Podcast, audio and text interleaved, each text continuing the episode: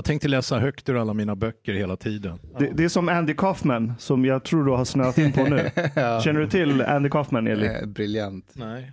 Eh, Andy Kaufman är, alltså han klassas som komiker, men han är egentligen ett bara massivt troll. Han var aktiv på det 80-90-talet, 70-talet kanske också. Så här, eh, en av hans akter, det var att han bokar upp ett helt jävla stadium typ på något universitet. Och sen ska han ha sin stand-up show så folk går dit och tror att det är stand-up. Och vad han då gör det är att han läser, han gör högläsning ur en bok som tar typ 12 timmar att läsa. Och han, han, lä, han sitter och läser hela, ja det är han, han sitter och läser hela fucking boken. Och sen, det här är det bästa, efter typ så här fem timmar så blir ju han trött så då behöver han sova. Så då är det så här, då kan inte bara publiken sitta där i tystnad. Då tar han fram en så här portabel vinylspelare och så lägger han på en vinylskiva där han har spelat in sig själv när han läser ur boken. Exakt vid den tidpunkt han blir trött. Och så får vinylen fortsätta liksom högläsningen medan han sover i en sovsäck i en timme på scen. Did I tell you that um, in my teenage years, it's actually a bit funny. I was a vocalist for a local death metal band in Egypt. Really? Yes, and mostly we used to uh, play covers for Swedish metal bands. Really? Yeah, Va? Va, vad var genren sa du? Death metal? death metal. Yes. So like I was just growling, not not singing. So I was like, that was me. That's what I do when I get on stage. Fin, finns det på Spotify? No, nej, det var när jag var typ 17. Seems like a fuck. That's like almost 20 years ago. Time Yeah. flies. Yeah. Mm. Ehm, kommer du ihåg vad den banden hette? Morosiness. Morosiness? Mm. Okej. Nej, alltså de, de, de svenska som ni... Aha, yeah, yeah. I'm on Amarth, Dark Tranquility, In Flames. Ah, In Flames. Uh, Coolt. Tungt. another lifetime. Gra grattis till uh, Put. Tack så mycket. Permanent uppehållstillstånd. Ey, du har fått uppehållstillstånd. Japp, Grattis. permanent. Grattis. Now you're stuck with me. Tack så mycket. Grattis sommar. Jag visste inte ens att du var så här hanging on a thin line. Ja, men det var jag inte. I knew that I was going to get it. So, but now it's like, yeah, officially on paper. So that's good. Hur länge har du väntat? Ehm, typ sju månader kanske. Men jag kom till Sverige för sex år sedan. Sex år sedan, du har väntat så länge på, Nej, nej, nej. på ett uppehållstillstånd. Nej, först. Jag fick mitt uppehållstillstånd efter tre år. Eh, och då var det tillfälligt uppehållstillstånd för tre år. Mm. Eh, och sen efter det fick jag nu permanent uppehållstillstånd. Mm. Alltså hade du typ när du var ny i Sverige misshandlat någon, våldtagit någon där du fått permanent, permanent direkt? Is that so? Ja, det är så det funkar. Fast man kan ju på ett sätt säga att du våldtog. Du har gjort en våldtäkt på ett sätt. Du har ju våldtagit en hel religion. Ha, det är faktiskt sant, jag gillar det. Jag gillar det. Gillar du det? Ja, jag gillar det. Att våldta en religion. Mm. Ja, Du, du är nog den mest ateistiska personen, tror jag, Mm. I sammanhanget. Mm. Ja, alltså du menar här? Ja, här. Ja. Jag håller inte med. Inte? Jag har, känt, jag har lärt känna Omar nu senaste år. Are you coming with a Jordan Peterson thing? Yes, but I Nobody's am. an atheist. No, well, well, eh, lite. Men Omar har gjort en resa från senaste, senaste året faktiskt. Mm. Eh, från, från en sån här troende ateist till en agnostiker. Actually, I thought a bit about this hmm. again because, and Ellie can come in a bit on that because I think atheism is about not believing in God, basically. So I still don't believe in God. I just, I have more. I'm less sure. Like before, I was sure. There's it's a cut to black after we die. Like there's nothing out there that we don't see. Nothing like quote unquote supernatural and so on. You know. So these things, I was now I have like more. I'm more humble about that. Um, maybe there is more to life that we than we can see.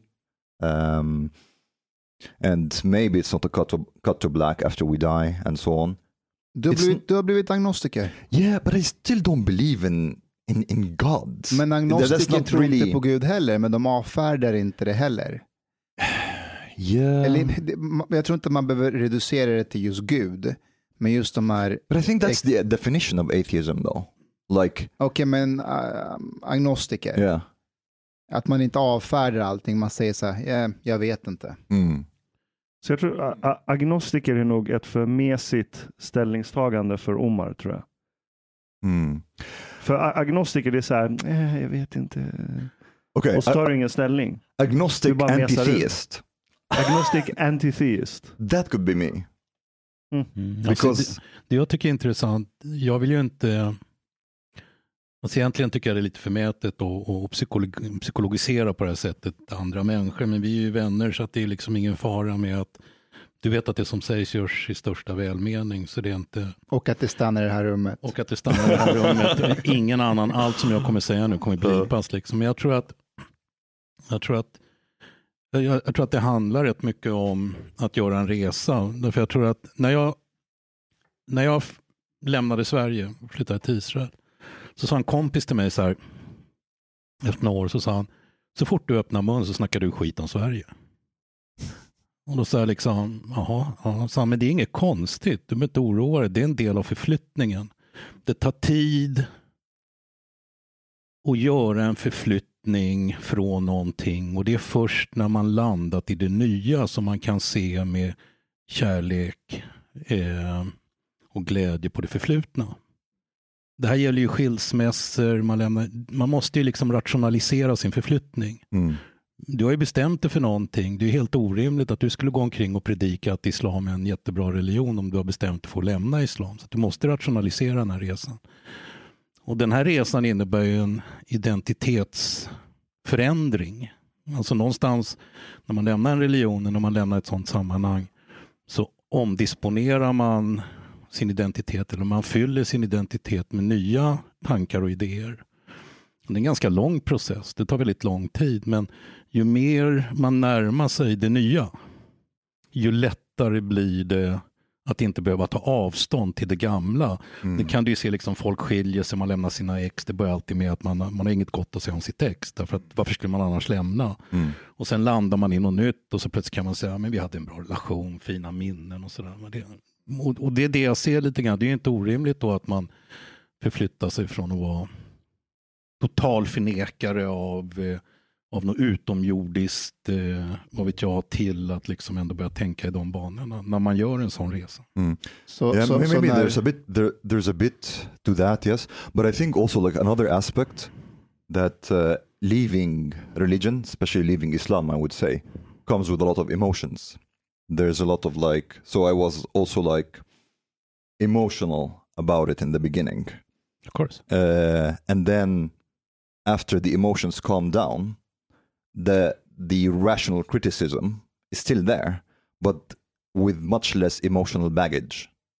So I'm I'm able to like då har du redan påbörjat en resa som Eli beskriver. För att du och jag har ju pratat om att vi följer den här Louis Ahmed på, på Twitter. Eh, han som har lämnat islam och Louai. han är, eh, Mm. Louai Ahmed. mm, mm, Han är homosexuell och väldigt aggressiv islamhatare skulle jag, skulle jag säga. Men det, det är han. Eh, och varannan tweet han skriver är någonting kritiskt om islam.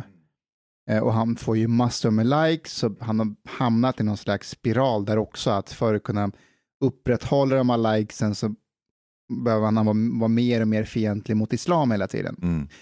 Men, men vi pratade ju om det förut, att, att du kunde känna igen dig lite grann i honom när du lämnade islam, men att idag inte på samma sätt. Well, I can't remember if we. I think what I meant, like generally speaking, about not necessarily about Luai, but generally speaking about people who are very emotional when they leave Islam. But I've always also been very careful about differentiating between Islam and Muslims. Um, so there are people who could leave Islam, for example, and they start hating Muslims in a way or discriminating against Muslims and so on. That is something I never did. Och Like det har jag inte heller märkt hos dig heller. Verkligen inte under de åren vi har lärt känna varandra. Att eh, inte någonstans. Men det märks tydligt hos andra islamkritiker. ja, det Att det finns ett genuint hat också mot muslimer. Det är sant.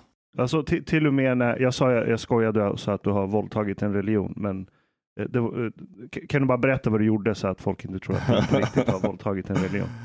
Yeah. Okay.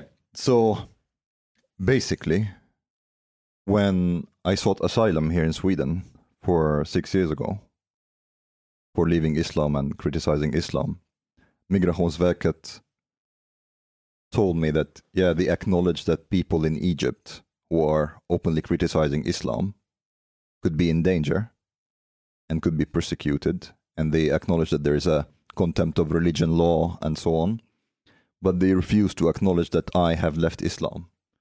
And they had said at some point, had I been able to prove to them that I'm no longer Muslim, I would have been entitled to asylum.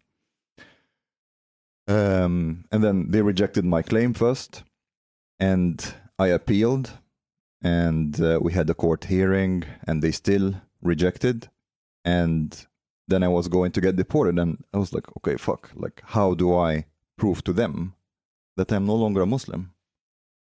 And uh, another thing, also, they they told me that I did not provide them proof that the Egyptian authorities are aware that I like that I'm criticizing Islam. That's difficult to get as well. So what I did is I made a video where I talked about my case, talked talked about how it is like for ex-Muslims and Muslim majority countries, people who criticize Islam and so on. And I talked about my case with Migrationsverket, and I thought, okay, what is the one thing that no Muslim would ever do? Because some people say, ah, but why didn't you just like drink some alcohol or like eat some pork? And I was like, what the fuck? like there are Muslims who do that. And then it's I came with the idea that the one thing that no Muslim would do is to desecrate the Quran. So I desecrated a copy of the Quran on video. Uh, You burned a Quran basically. Yeah, but not just. I was like also because some people say, oh, but you know, burning the Quran, that's actually the way that you should dispose of the Quran and stuff. So I wanted to humiliate the Quran. So I spat on it, like stomped on it, tore it apart, and then I burned it. Um, and then I was going to go public with this video. And then I showed it to some of my friends who were aware of my case here uh, in Sweden. They were like, oh shit. Yeah, maybe you will get asylum, but we don't know if you will live long enough to enjoy it here in Sweden. I was like, yeah, but will it increase my chances then to prove my case? They said, yeah, probably. Uh, and the funny thing is that first I sent it to uh, to Migrationsverket. Oh, and they said, okay, but maybe send it to Migrationsverket privately to tell them that actually you are genuine, you have left Islam and so on. And I thought, okay, I will do that. And then, like, first they, they I sent them on a they they asked to have it on a USB flash drive. They lost it, and like it was like a mess. And in the end, they were like, okay, just you have to to send us the video somehow otherwise we will make the decision without it and then i put it on youtube but unlisted so only people with the link can see it and then they rejected it saying that the video had too few views Va? yeah because it, it was not public and i was like okay fuck this. Just uh, then i went online with it pushed it on social media and stuff and then it caught fire pun intended. Um yeah. And that's that's uh, how it started, and uh, I wrote like some articles that were published also, uh, and in the end, yeah, they got convinced, so to speak. Tell me, uh, well, what you're saying actually about the very strong feeling that later on is like rationalized. Jag förstår Eller- svenska ja, så, va? precis. Svenska skulle det vara. Eller Alltså, arabiska. Eller arabiska. Alltså när du säger att det börjar med väldigt starka känslor och sen att du rationaliserar känslorna. Så det är i princip så det mesta fungerar tror jag med människor om man läser eh, liksom, socialpsykologisk teori och sådär. att Att den här resan med en väldigt stark känsla och sen rationaliserad, den är ju, du, du måste ju på något sätt genom rationaliseringen förklara för dig själv varför du kände så starkt. Mm. Du måste liksom hitta en orsak till varför känslorna blev så starka.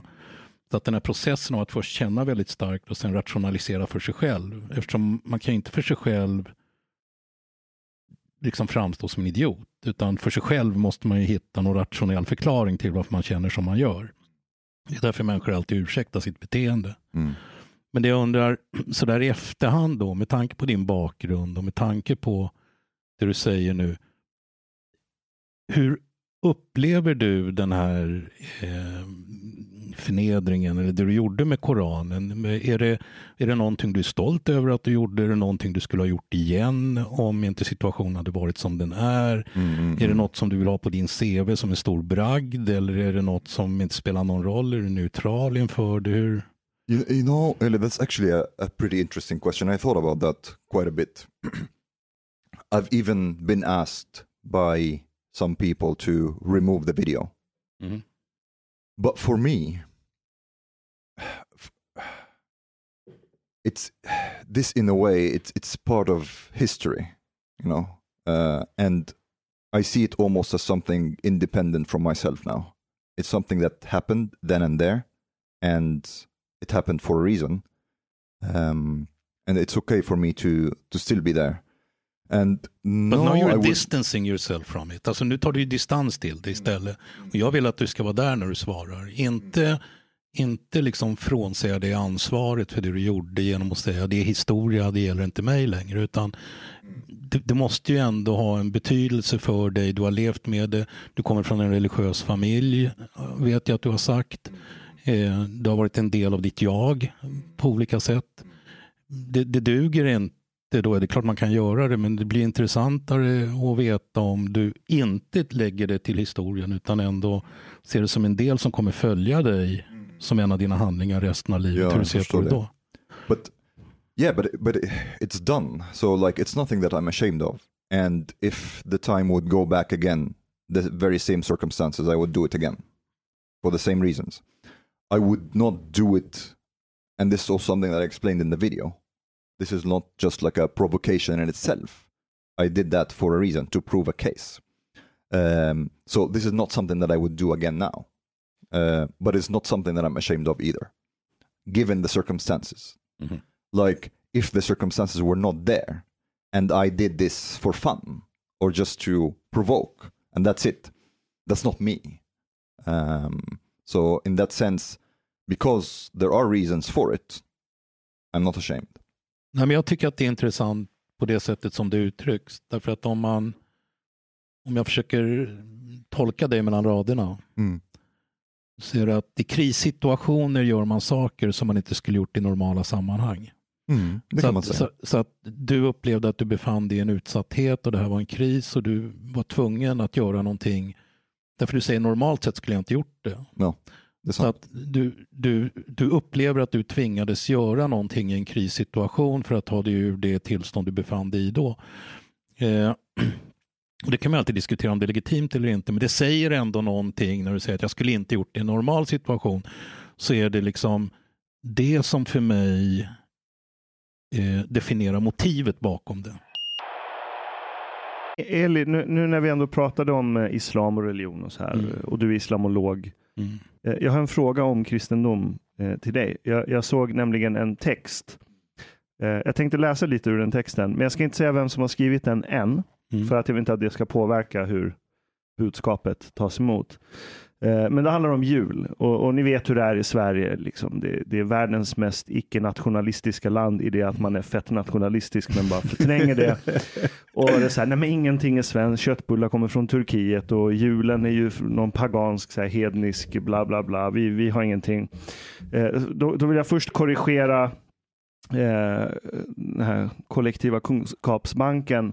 Eh, jag är iranier och som alla vet så har iranier uppfunnit allt. Eh, inklusive julen. Eh, och där vill jag korrigera genom att bara tillägga att julen kommer egentligen från en eh, offshoot från zoroastrianism. som Där allt annat. Fucking Iranians. Jag säger det. Nej men ly- lyssna, jag, jag har ett case här. Jag har ett case här. Ehm, eh, och det, och det heter mitraism. Mm. Eh, och, och, och den här solguden Mitra då var ju född 24 december. Eh, och nu kanske den påläste tänker så här, men gregorianska kalendern fanns inte då. Hur vet man att det var 24 december? Men det, det skiter vi. Eh, Mitra var född eh, oskuld, eller var född från en oskuld och född i en lada och Of course. var liksom en... Hej, min syster heter Mitra. Lägg av nu. Ja, men det är ett ganska känt persiskt eh, namn. namn liksom, Mm. och, och afghanskt namn då, Mm. som nu kommer till min kännedom. Um, Mitra utförde mirakel och hade tolv kompanjoner och liksom, alla de där boxarna är checkade. Så, så okej, visst, julen är ett hopkok från flera olika monoteistiska religioner. Fine. like not all only monotheism. Like it's like all cultures basically celebrated, like had a celebration during that time. ja, Uh, it's like pagans had celebrations during that time. Like yeah, och, och det är inte så konstigt för att vi människor har exakt samma biologiska hårdvara. Och liksom vi, vi upptäcker ljus och mörker, vi upplever det på samma sätt oavsett vilken religion och kultur du kommer ifrån. Mm. Så liksom bor du på en viss plats på jorden där en viss dag är den längsta mörka natten så är det såklart att det byggs mystik kring det. Så det är inte en slump att jättemånga kulturer firar någonting kring just jul. Eh, och i, inom iransk kultur så heter det Jalda och det är, jag tror det är 25 december. Något så. Så längsta mörkaste natten, efter det så blir det ljust igen. Men jag tänkte läsa lite ur det här utdraget som jag, jag blev ganska triggad av det. Men först fattade inte jag varför. Eh, sen tror jag att jag fattade varför, men jag, jag vill dela det med er först. Eh, så nu, nu läser jag högt och så ska jag berätta vem som har skrivit det sen. Eh, det, det är jul och tiden främlighets, främlingsfientliga tycker är vår kulturs viktigaste högtid. Det gör jag och säkert du också för den delen, men det är särskilt pikant om man till exempel är radikal nationalist och avskyr främmande religioner från Mellanöstern. För vår högtid handlar om allt det de annars hatar. Flyktingbarn och barnäktenskap. Det är vad julen handlar om då, enligt den här texten. Och berättelsen om hur ett barn får födas i ett stall eftersom ingen annan öppnar dörren. Det kan vara värt att påminna om det denna Kristus födelsedag, att när världens frälsare skulle nedstiga på jorden gjorde han det på ett politiskt kontroversiellt sätt. Frälsaren valde att födas av ett flickebarn. Enligt judisk tradition var hon rimligtvis max 14 år gammal. Hon var trolovad med Josef som var minst 20 år gammal. Han var osäker på vad han skulle göra åt den uppkomna situationen, men övertalades av en ängel att lita på att det var en frälsare i flickans mage. Skattskrivning stod snart på agendan och Josef tog med sin höggravida maka till Betlehem. I en främmande stad utan kontakter var det ingen som ville ta emot dem. Till slut fick de föda i en laggård. Bland komockor, urin och stank föddes världens frälsare. Eh, eh, några, nästan tårögd. nå- några, några forskare kom ridandes med julklappar. Några änglar skvallrade till fåraherdar som sprang runt och uppvaktade. Eh, den är mycket längre än så. Jag, jag kan pausa där. Men eh, We get the point. ni, ni fattar vad, Det är en det shia-svensk som har skrivit det där.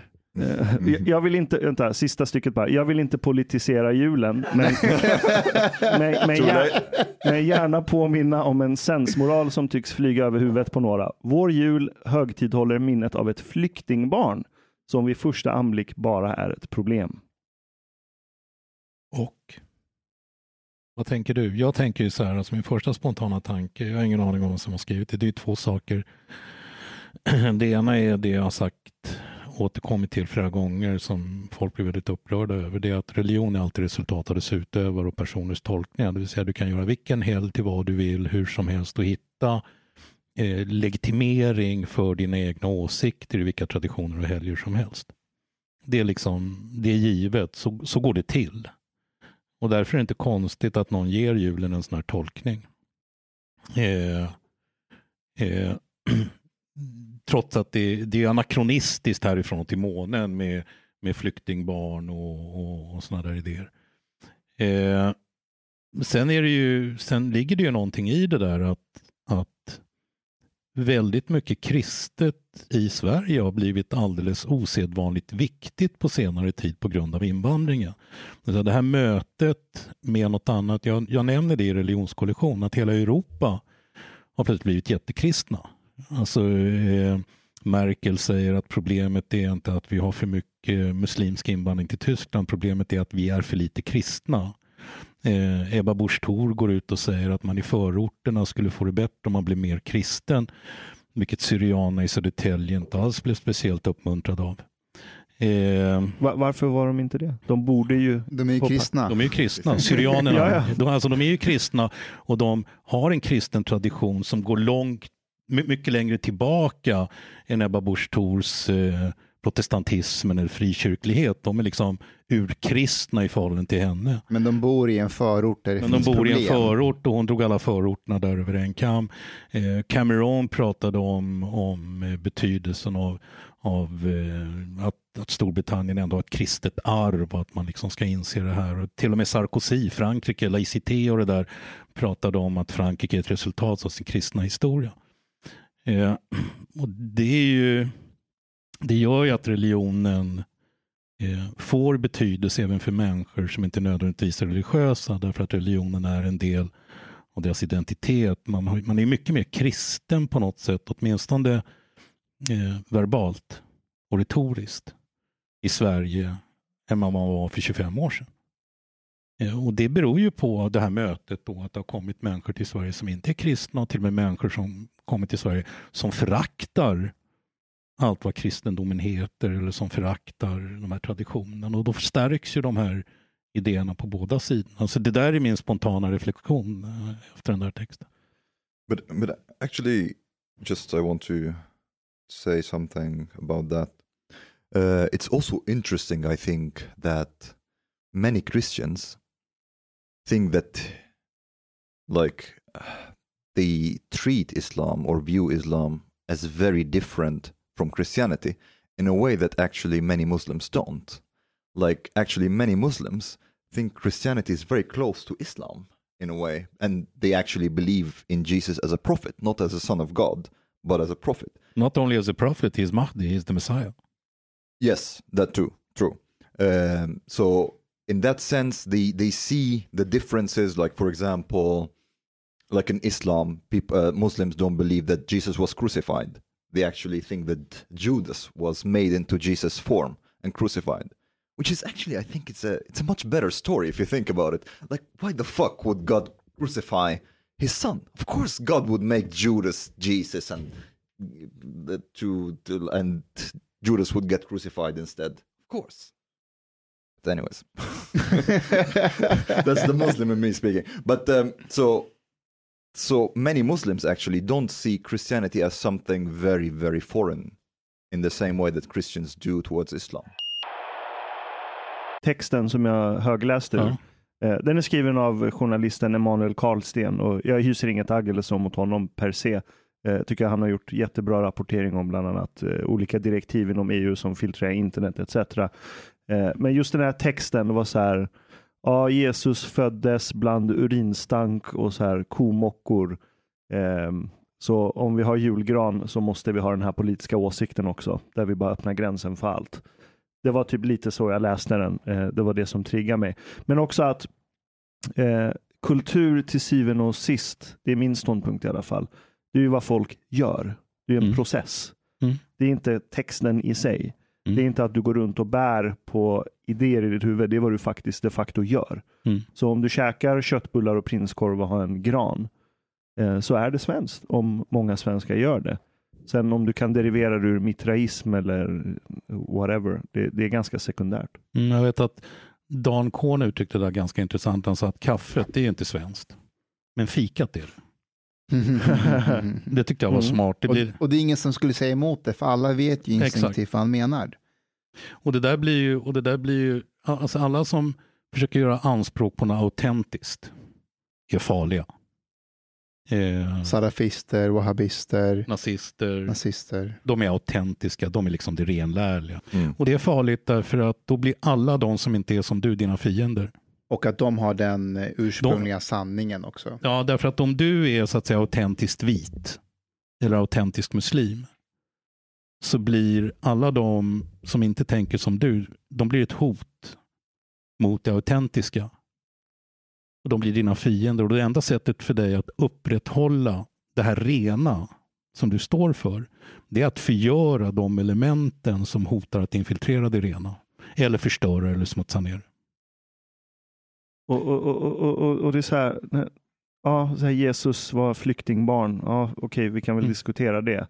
Eh, nationalstater fanns inte ens på den tiden. Exakt. Så, så här, definitionen flykting, asyl etc.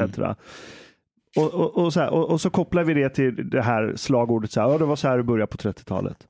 Mm. Hitlers största problem var inte att han inte var kristen. Det är inte så att han var en tolkning av kristendomen kort från att inte mörda miljontals judar. Ja, det stämmer. Men jag skulle vilja säga att Hitler, jag skulle säga att nazismen, kommunismen och alla de här olika företeelserna, de växer upp i vad vi kan kalla för en kristen civilisation.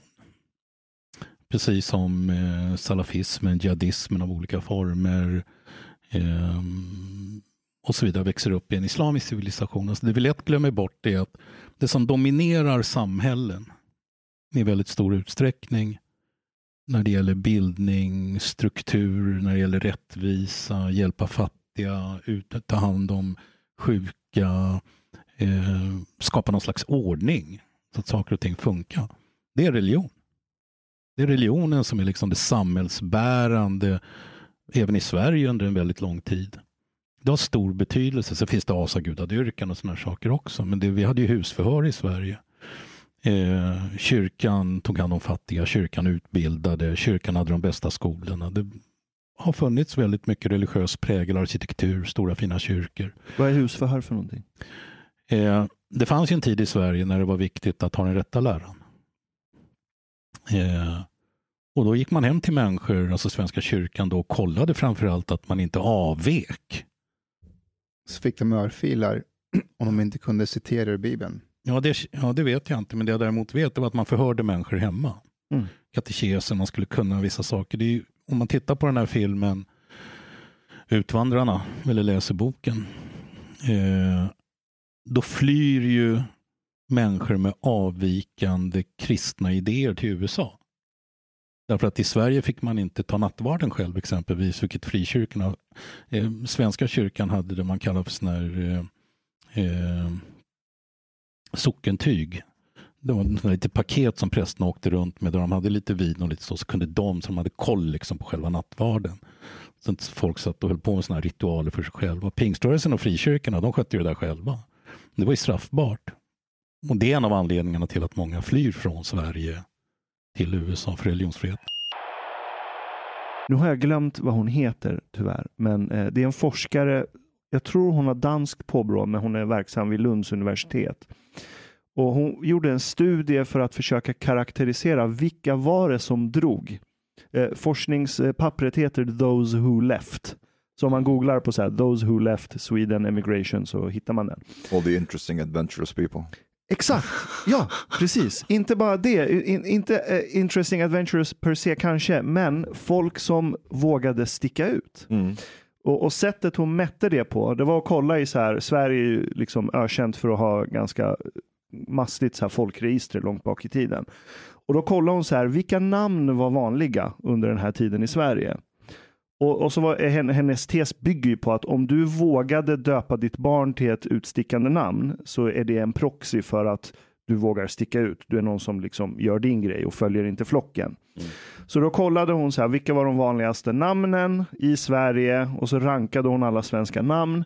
Och så kollade hon de som eh, eh, lämnade Sverige till USA då främst. Vad hade de för namn? Och då hittade hon en så här väldigt eh, stark korrelation med att de som stack från Sverige, det var människor som var mer så kallade individualistiska och vågade göra sin egen grej. Eh, och från det kan du ju så här, derivera eller leka med tanken att så här, alla som vågar stå för någonting själva utan att bara följa flocken, de stack från det här landet. Fast så vi har haft ett enormt underskott och det är exakt efter det Socialdemokraterna får sin Mm. och så det, Sverige är ju det enda demokratiska, eller ett av få demokratiska länder där typ samma parti haft majoritetsstyrning i vad var det, 80 år. Mm. Ja, de oroar sig om de skulle ha 51 procent eller Ja, 49 procent. ja, ja. Typ. Men, men du vet att när, när svenskarna sen kom till USA så hamnade många i Chicago. Det finns en sån här sägning att eh, the Swedes build Chicago. Mm.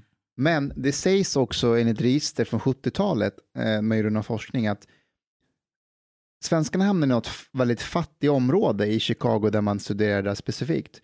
Men att de svenskarna sökte sig inte bara till andra svenskar utan till de svenskar som kom från samma by som dem Mm. för att hålla ihop. Du vet, på tal om att så här, invandrare vill vara på invandrarområden med varandra. It's like very human way. Verkligen, Mm. verkligen inte alls konstigt. Mm. Och att eh, det visade sig att i det fattigaste området i Chicago där de bodde så eh, två av tre hushåll eh, hade eh, mer än två familjer som bodde i samma, samma hus. Ha. Så du vet det här med att eh, kriminaliteten idag beror på trångboddhet och så här typ. Inte där, det var inte alls någon kriminalitet i det, fast det var det fattigaste området i Chicago. Mm. Så visst, man är individualister till en viss gräns och, och du vet hela det här, har ni hört talas om han, ehm, eh, heter han Goodwin, han som har skrivit om eh, Somewheres och Anywheres? Just det. Nej, Han heter Eh, eh, David, David Goodhart. Goodhart heter han. Goodhart heter han. Så David Goodhart skrev om att det finns, eh, det här kom under flyktingkrisen lite senare, det finns två olika sorters människor, somewheres och anywheres. Mm. Att eh, anywheres är de här kosmopolitiska, det kan vara från media, det kan vara akademiker. De kan bo var som helst i världen, de, Mm. de har inget specifikt hem de söker sig Judar. till. Judar, exakt. Det är skällsord. Kosmopoliter. Ja. Medan anywheres är människor som vill ha en specifik plats. De vill känna igen sig hemma. Mm. Förlåt, eh, somewheres. Somewheres vill känna igen sig, de vill känna igen hembygden, de vill känna igen ikan, de vill ha liksom en symbol för den platsen de bor i. Och det är vanligt folk. Vanligt folk. Ehm, vad heter hon, statsvetaren i kvartal, eh, ehm, vad heter hon, Katarina Barling Marling. Mm. skrev att Sverigedemokraterna är det enda partiet i riksdagen som är somewheres. Alla andra har en anywheres approach i sin politik. Mm. Ehm, men det som somewheres och anywheres ändå visar att egent, jag pratade om det här med Per Brinkemo och han sa det att det finns inga anywheres. Anywheres är en myt, sa han. Därför att även om du flyttar som svenskarna till Chicago så blev ju de en slags somewheres. De sökte sig till andra svenskar. Så, för att vi är flockdjur. Så även om vi lämnar vårt trygga ställe till något annat, jag kan bo var som helst, jag har en kosmopolitisk personlighet, så söker man sig ändå till de som liknar en. Och det kan vara andra med andra kosmopolitiska personlighet, andra exakt, därför det, akademiker. viktiga, exakt, därför det viktiga är ju inte nationalitet eller så tänker jag. Utan vi satt ju på den här middagen och diskuterade om det här med att människor som har, eh, Mellanförskap. som har mellanförskap och, och lever liksom i olika identiteter och olika miljöer hittar varandra på ett annat sätt än människor som ser liksom ett spår. Va? Och jag tror att det att, att mellanförskap eller det du beskriver framkommer väldigt naturligt just det här med religion. Därför att för mig spelar det inte så stor roll om det är kristendomen eller islam eller judendom eller sådär. Jag ser ju det utifrån hur människor är. Jag anser inte att, att liksom religion skapar människor. Därför det finns inget väsen liksom som är hej, jag är religionen. Så, va? Utan det, det är människor. And this is where we differ a bit. Ja, ja, but, ja men du har fel. Eh, eh, men, men, men, men, men, men, det är inte konstigt heller därför att, därför att eh, hade du haft en annan uppfattning så hade inte din förflyttning varit färdig. Alltså det finns ingen, det, det, det är helt orimligt att påstå att, att religion skapar människor. För hade religion skapat människor hade alla människor utövat religioner på samma sätt. Då hade det bara funnits en mall. Men det är inte dit jag vill komma riktigt utan det är ju det här då att man att man eh, positionerar sig för dem som somewhere är viktigt. Det blir också anywhere, för vi har ju också positionerat oss som mellanförskapet, men det blir ju väldigt viktigt att det jag tror på, eller mitt somewhere, oavsett vad det handlar om, även om jag inte kan argumentera för det, så blir det en känslomässig grej att försvara min position. Därför att om den andre också har rätt, då måste jag ju förflytta mig. Så jag måste liksom, det är en socialpsykologi, jag tror Jonathan Haidt skriver om, det släpper in ett gäng på ett museum med två tavlor så kommer hälften samlas runt den ena tavlan och andra hälften runt den andra tavlan. Och båda grupperna kommer argumentera för varför den andra gruppen har dålig smak. men, det, men, men, det, kommer också göras utifrån en massa argument som, som liksom bygger en moralisk berättelse. Det är inte bara dålig smak. De har dålig smak som dåliga människor, de är outbildade så de blir sämre människor också. Den moraliska berättelsen är helt avgörande för självbilden. Och det här återkommer ju då hela tiden när jag hör människor som plötsligt säger så kristendomen. Så I kristendomen, liksom folk år 2020 kan säga att i kristendomen är det inbyggt att skilja mellan kyrka och stat. Liksom. Och så kan det ju vara att det är inbyggt, men då fattade inte bysantinska imperiet det där överhuvudtaget. Eh, alla de här olika ortodoxa kyrkorna som hela tiden söker sig till makten och söker makt som eh, Slovenien och, och, och Ryssland och, och och så vidare. De har heller inte förstått det. Så att även om det är inbyggt så är det en ganska stor grupp kristna som inte har fattat det som är inbyggt. Men det blir liksom ett argument som man ändå lyfter därför att man på det känslomässiga planet vill visa att man har någonting som inte de andra har. Men måste hela kristna världen fatta det för att det argumentet ska gälla? Ja, om man anser att religion skapar människor och inte tvärtom då är det ju konstigt om inte religionen har nått fram till alla de här människorna som uppenbarligen har missuppfattat den kristna essensen. Okay, but first, what, what do you exactly mean by that? What do you exactly mean by it's people who create, well, of course people create religion, but what mm -hmm. do you mm-hmm. mean by it's not religion that creates people? Because for me, it's not that religion creates people, but there is a link between people's beliefs and people's actions. And this is this is what I mean. Like for example, um, if there was no connection at all between people's beliefs and people's actions, then Christian fundamentalists would have been as likely to kill people who eat beef as Hindu extremists would be. And Hindu extremists would be as likely to bomb abortion clinics as Christian fundamentalists are. Or, like, for example, if you if one does not understand that there were cultures that believed sacrificing virgins would lead to like fertility and so on you would you would not understand why they're acting that way. It's because that's what they believe. And of course it affects their action. And this is what i mean by religious beliefs. Jo, jo men det, det är något helt annat. Alltså när du säger så här att att, eh, att eh, hinduer kan bli, liksom slå ihjäl människor för att de har liksom ätit oxkött. Ja, det, det finns sådana och det finns en extrem hindunationalism och sådär också som är så, så är det naturligtvis en tro och en idé som skapar ett beteende. Men jag menar att det finns ingen... Det, det, det, är klart att det människor tror gör att de beter sig på ett visst sätt.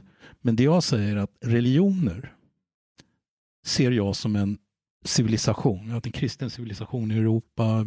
Islam började med en civilisation i Mellanöstern som framförallt bestod av, då som jag beskriver i min senaste bok, som krigiska eh, eh, eh, beduiner vars eh, byggnadskonst begränsade sig till tältresning.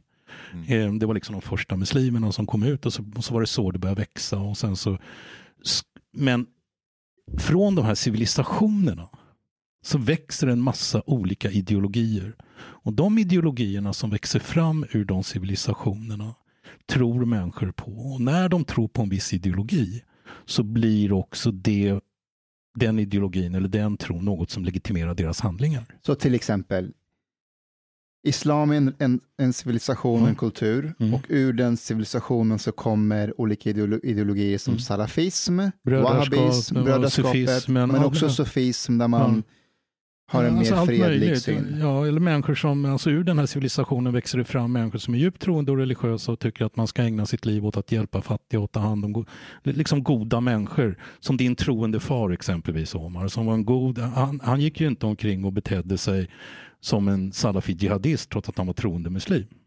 Rimligtvis. Eh, det, det, det är åtminstone inte så du beskrev honom för mig när vi pratade om det. Men, men, men sen har du också salafi-jihadister som, som ser det som en dygd och en religiös plikt att slå ihjäl oliktänkande. Mm. Båda är djupt religiösa, båda är goda muslimer utifrån sitt perspektiv. Men de har tagit den här civilisationen och den här kulturen och den här idén och format hela den här salafijihadismen liksom när man plötsligt åker omkring med, med hatar Amerika med Ray-Ban-glasögon och iPhone-mobiltelefoner och skjuter med M16. Eh, det, det är så snurrigt så att det inte är klokt. Va? Men det, det är liksom, man bygger en hel identitet på väst. Du har en, en muslimsk identitet i Sverige som, som, som, som i princip är någon form av leninism-marxismen. Där man ska mobilisera förorterna mot den vita makten. Eh, Louis Farrakhan blir liksom en, en modell. Malcolm X blir en modell. Om du åker till, till några gubbar någonstans i Mellanöstern som sitter böjda över Koranen och säger Malcolm X, de vet ju inte vad du pratar om. Så att det formas nya idéer. Misstaget eller missförståndet har ju varit att man har sagt att är du religiös så är du god. En god människa är religiös. Är han ond så är han inte religiös. Man kan inte vara god muslim och bete sig som ett svin. Det är det folk har sagt. Va? Det, det har varit uppfattningen. Och att islam är. Men det har ju att göra med att religionssociologi är ju inte mer än 200 år gammalt. Och de som utbildade om religion, det var präster, imamer och rabbiner. Så de sa, religionen säger. Jag är god. Man ska vara god. Är man ond är man inte troende. Och det här språkbruket och det här sättet att tänka, det är ju nytt för många. Det är fortfarande människor som kan gå runt och säga Islam är, Islam säger. Jag ska bara tillägga en sak. Det du, Eli, oftast orättvist anklagas för är att du är en, en islamapologet. Eh, Islamistapologet. Eh, Till och med islamistapologet. Men, men min uppfattning är att du har ju aldrig påstått att, att salafism inte har något med islam att göra. Det säger ju du att det gör. Medan en islamapologet är att IS har ingenting med islam att göra. Precis, det är bara en vantolkning och en misstolkning. Hela min bok i Guds namn förklarar till och med kopplingarna mellan islam, islamiska begrepp och hur man har tolkat, hur man liksom har byggt den här idén utifrån koranska och religiösa begrepp. Att man är liksom, det finns en religiös... Och sen har man byggt in ett förakt mot väst och sådär och andra saker. But okay, let's have some fun. Um, Eli, do you know what steel manning is? Still. Steel manning. Du vet vad, eh, du vet vad eh, halmgubbe är? Att man gör en halmgubbe Ja. av någons... Mm. Eh, So steel manning is the extreme opposite of that. Is when you start like discussing an issue with somebody and you try to represent their case as strongly as possible, as perfectly as possible from their point of view, till the person themselves tell you, oh, that's exactly what I think. Thank you. And then you start to argue against that perfect case that you built instead of straw manning. so Steelman är, är motsatsen till strawman. Precis. Mm. So I think for us to be able to understand exactly where we differ on this position, we have to do that because we have all kinds of cognitive biases. And maybe we think that the other person has some idea that actually they don't. Like, for example, I noticed that we have had a misunderstanding now about religion creating people and that beliefs don't have or have an effect on action and so on. But I think actually maybe Mustafa should do that because he's very familiar with your views and is very familiar with mine. Oh my god. Can you do that? Can you try to rep- first present what Eli thinks on Islam, highlighting the points of difference maybe that he have from me, and the same thing for me, till we are both satisfied with the case you built, and then Okay, we start yes. to argue from that. Men, men så här, min uppfattning, och, och, och, och ni, kommer, ni kommer självklart och, ska rätta till mig också för att jag kommer inte, men, men, men jag ska göra, göra mitt bästa för att kortfatta. Elis eh, eh, syn på det, eller det här är egentligen inte Elis syn, det, här är, det finns en konsensus bland, Religionsvetare, religionssociologer Precis. från Durkheim och framåt. Liksom. precis, är att eh, religion är ett resultat av deras utövare. Mm. Det är utövarna som gör religionen och Mm. inte religionen som gör utövarna. Mm. Eh, och Eli menar också att om problemet är utövarna Mm. så, är, så är utövarna också lösningen. Mm. Är, det, är det Ja, väldigt enkelt? det är väldigt enkelt. Eh, Omar säger mer att, att religion har en betydligt större roll i att eh, bilda uppfattningar hos människor. Att de, eh, att de gör vissa saker, vissa specifika saker och kopplar det till religionen och det finns också stöd för det i religionen. Eh, och, att, och att det som står i texten spelar faktiskt roll. Är det någonting mer som jag missat? No. I, th- I think that's that's more or less true because for I think also, and correct me if I'm wrong, Eli. I think one of the main differences that we have Mm. Is that you focus more.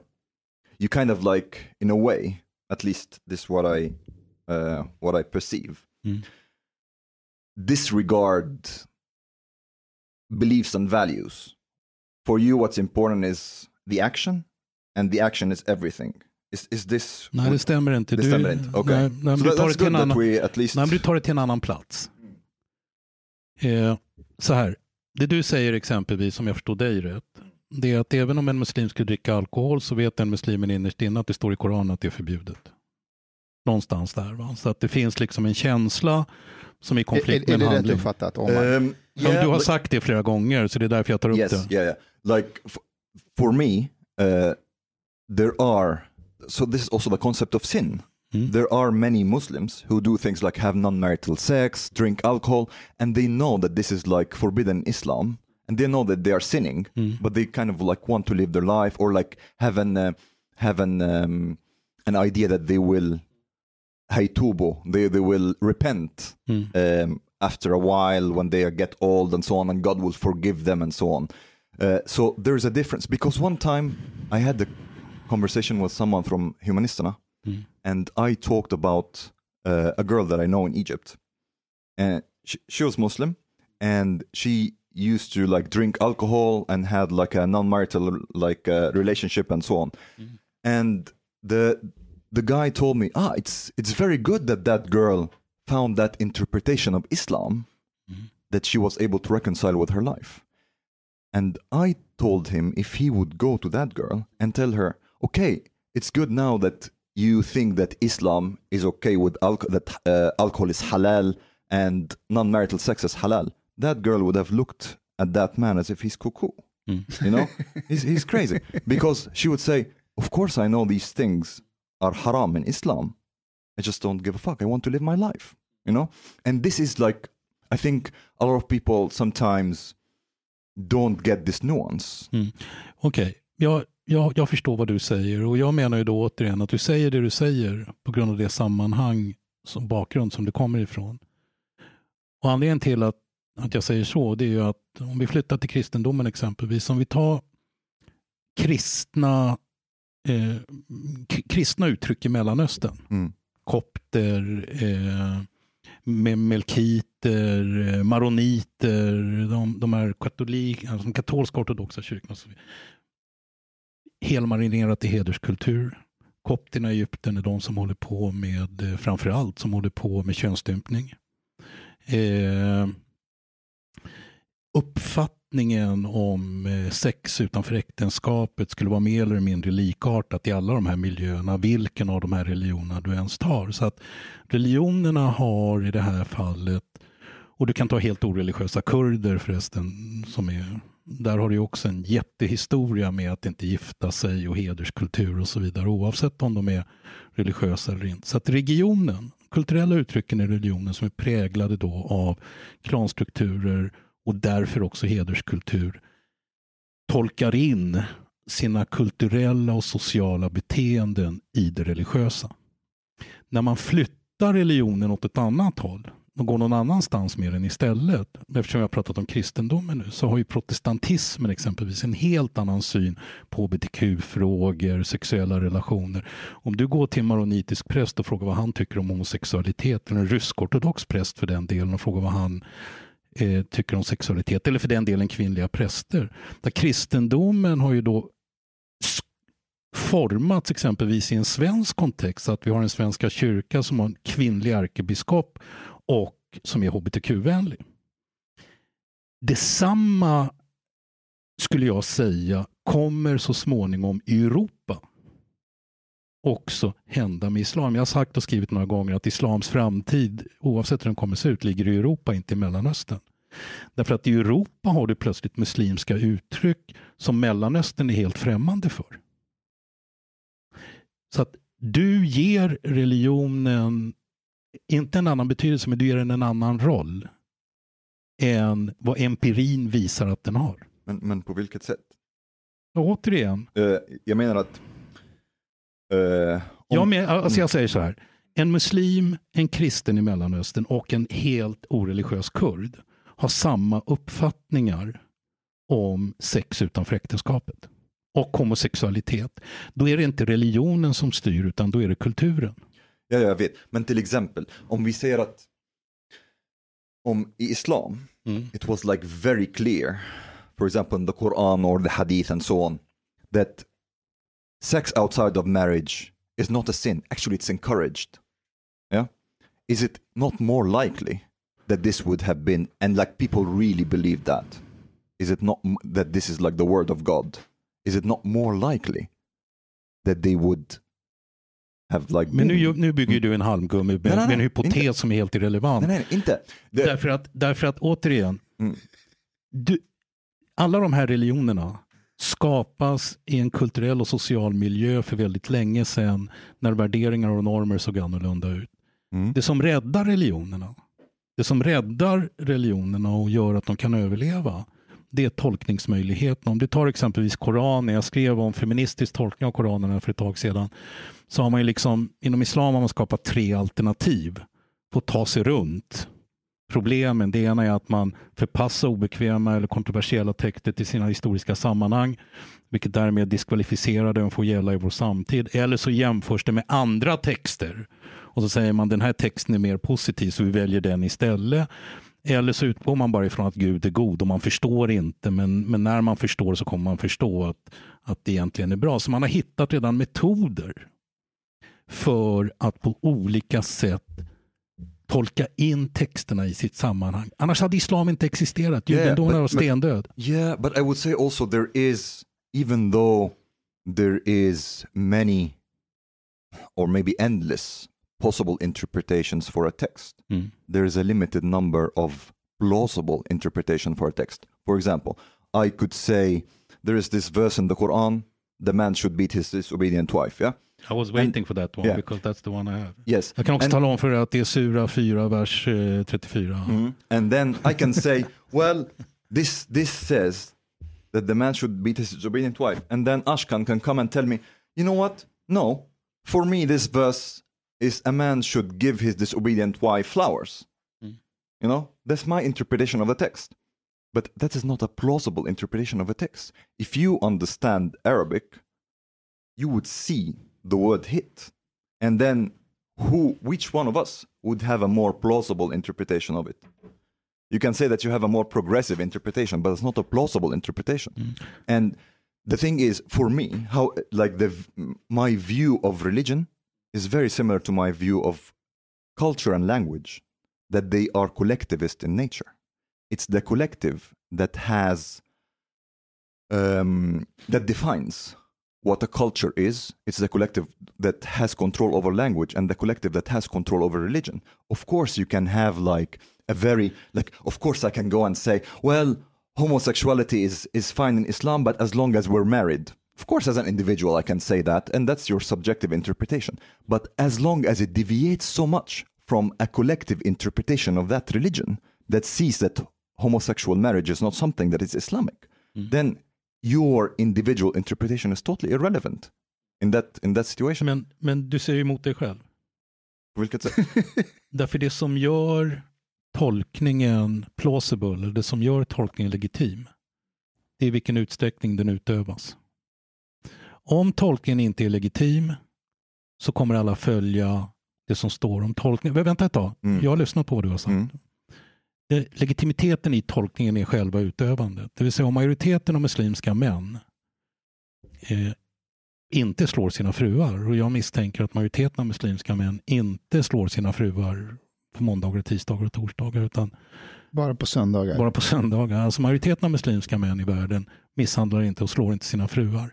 Då betyder det att det är redan accepterat att det finns en tolkning och ett beteende som är plausible för den texten. Oavsett om man väljer att förpassa den till historien, man väljer att hitta en annan tolkning, oavsett vilket av de här tre alternativen jag sagt som man har valt, så har beteendet diskvalificerat det. Det är samma sak inom judendomen. Judendomen har en massa idéer om hur man ska stena den ena och hur äktenskapsbryterskor eh, ska hanteras och, om man ska utdöma dödsstraff. Eller inte. Det görs inte. I och med att det inte görs så har man redan hittat plausible tolkning. Kristendomen samma sak.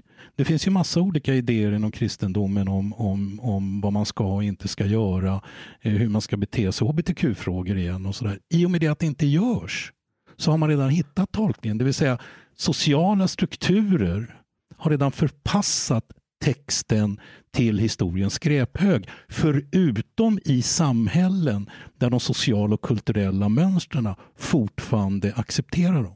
Men Eli, ha- har inte Omar ändå en poäng när han säger att Nej. om det, hade om det hade stått i texten uttryckligen eh, sex före äktenskap är inga problem. Kör, kör så mycket ni vill. Homosexualitet, kärlek mellan två män är inge, inte ett problem, bara kör. Hade inte det haft en, en, en inverkan på då och idag i just de två frågorna? För det finns inte så mycket att tolka in där. Jag, jag, jag råkar ha texten framför mig här ehm, från Anisa, vers 34. Um, men are the caretakers of women, as men have been provisioned by Allah over women and tasked with supporting them financially. Righteous women are and righteous women are devoutly obedient and when alone protective of, of what Allah has entrusted them with. Och här kommer vi till själva det som ni diskuterar. If you sense ill conduct from your women, advise them first. If they persist, do not share their beds. But if they still persist, then discipline them gently.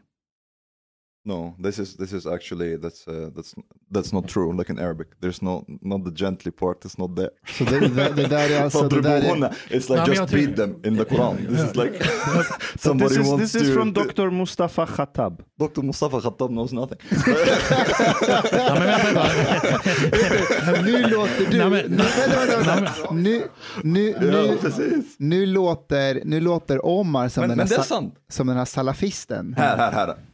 Um, Ja, men vänta ett tag. Vänta, Ja, vänta. jag ska läsa på texten- arabiska. Ja, men الرجال. قوامون على النساء بما فضل الله بعضهم على بعض وبما أنفقوا من أموالهم فللصالحات قانتات حافظات للغيب بما حفظ الله والتي تخافون نشوزهم فعظوهم advise them uh, واهجروهن في المضاجع abandon them in bed واضربوهن and beat them Gently, Vilken- gently. The gently You part, forgot he threw the it in there. he threw it in there. Vänta, vilket ord för är in- beat på arabiska? Roba. اضربا eh, اضربوهن Drobahunna. Drobahunna. Ja, Okej. det är slå اضربوهن henne. beat ja. Kan, kan du arabiska? Nej. Okej. فإن أطعنكم and if they so if they obey you فلا تبغوا عليهم سبيلا إن الله كان علي uh, كان عليا كبيرا and if they obey don't go too far so I don't know where the För, gently part föreställ came er from. de som, Men, men de som lyssnar på den här podden bara spolar till den här delen och hör Omar prata arabiska i två Allahu minuter. Akbar. Bara, vad men hände alltså- med den här podden?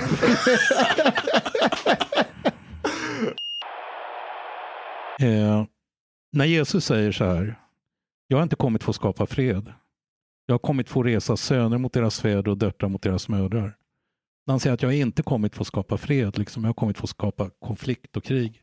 Var, var, var, varför är det eh, en mening och ett uttryck i evangelierna som är mindre problematiskt. När man egentligen har, alltså vad, vad ger kristna rätt att välja den fredsälskande Jesus istället för den konfliktsökande Jesus som dessutom vill splittra familjer uppenbarligen och beväpna befolkningen?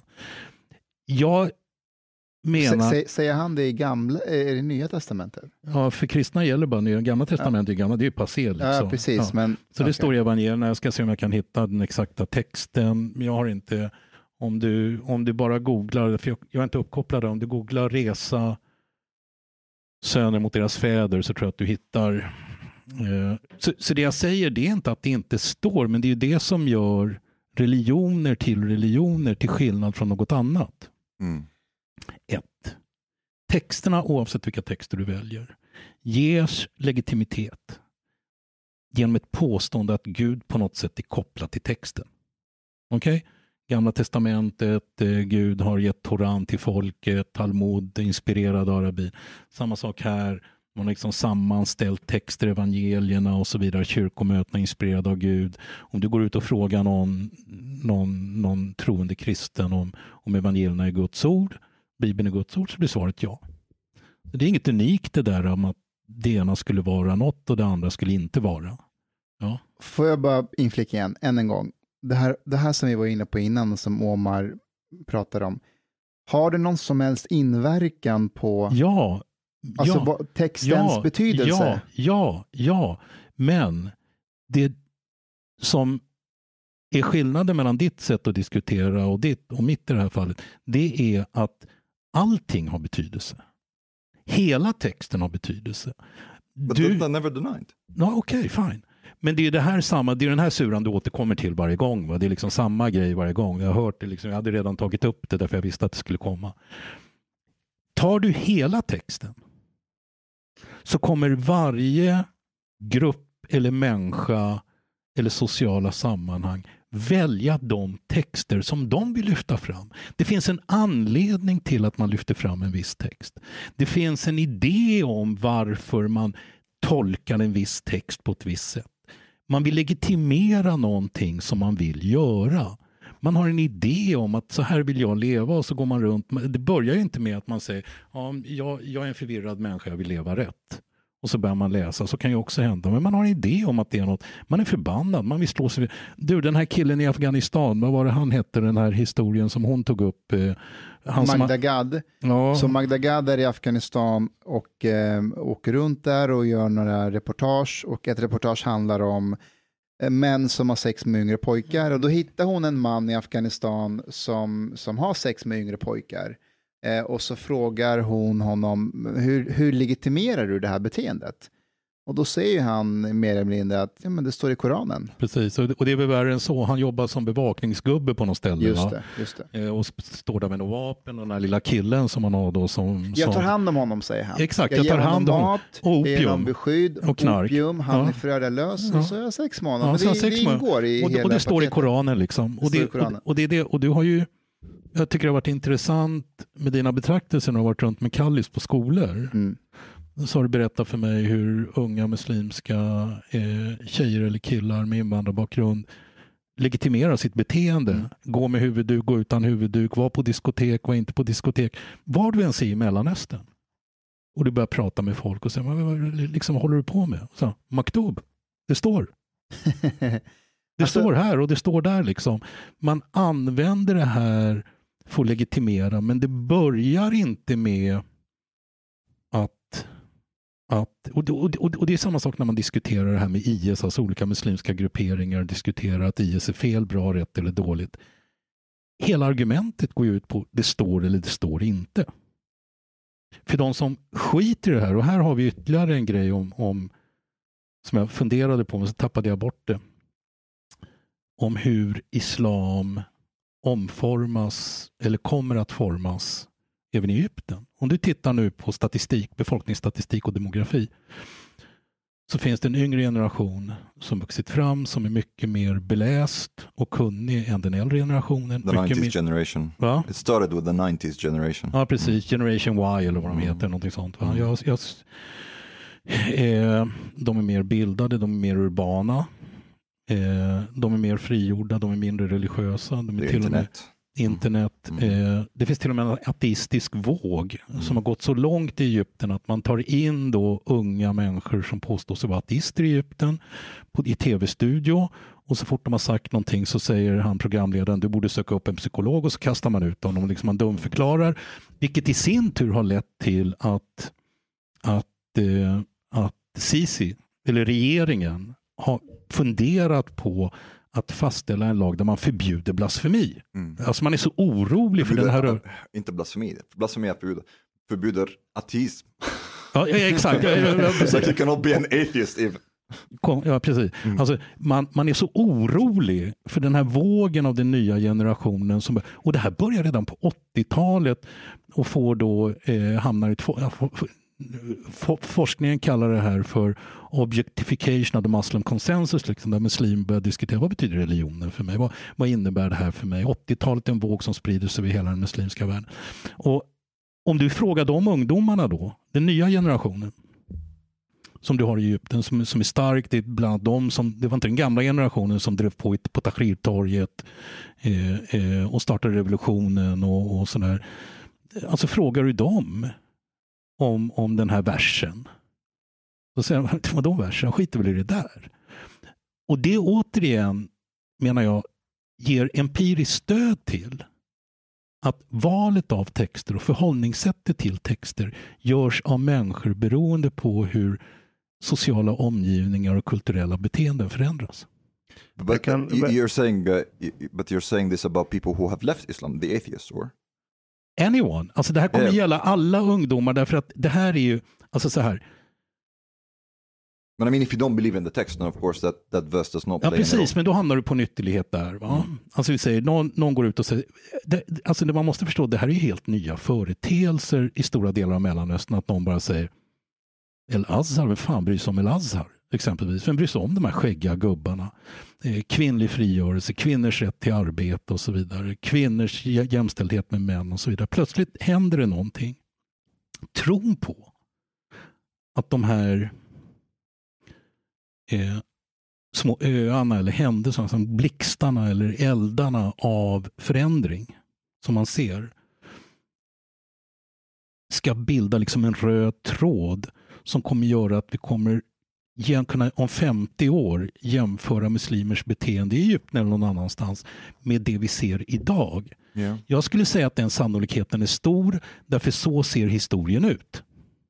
Och då blir återigen sociala och kulturella mönster det som avgör hur Koranen ska tolkas och inte tvärtom. Även om det råkar stå det som står i vers 4.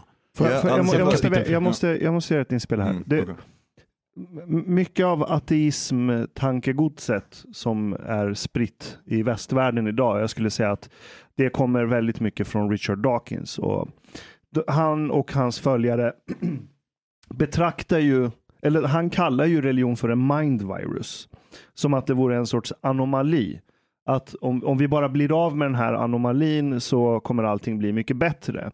Vilket är ett så brutalt ogenomtänkt påstående så det finns inte. Jag ska berätta varför. Dels för att alla mänskliga samhällen har någon sorts religion. Även i Sverige så är vi sjukt religiösa. Eh, det är en helt egen diskussion. Men jag, jag vill påminna om att så här, vi, vi har en så här bild av neandertalare. Att de är så här lite retarded, så dumma. En dum version av människor. De är lite korkade. Eh, exakt. Det, det, exakt. Det ljudet är typ hur vi sammanfattar neandertalare. Men vad många inte vet tror jag, det är att neandertalare uppfann, upptäckte eld före människan. De hade religion långt före människan hade det. Eh, de hade väldigt mycket mer avancerade verktyg och kläder än vi människor. Och vad som hände var att eh, planeten har ju genomgått, eh, jag tror det är fyra istider eller någonting sånt. Wurm, Ritz och så har jag glömt vad de två andra heter. Och vad som händer är att neandertalarna och människorna existerar ju samtidigt under en viss period. Och vid en av de här istiderna så råkar neandertalarna isoleras fast eh, på någon så här isplätt i norra Asien eller någonting sånt. Eh, och det här är efter att de har haft kontakt med människor, för vi bär ju på värre cirka 4 neandertal-DNA. Så vi har ju liksom parat oss med neandertalare. Men det som dödade eller som utrotade neandertalarna, det var inte att de var mer korkade än oss eller så på något sätt.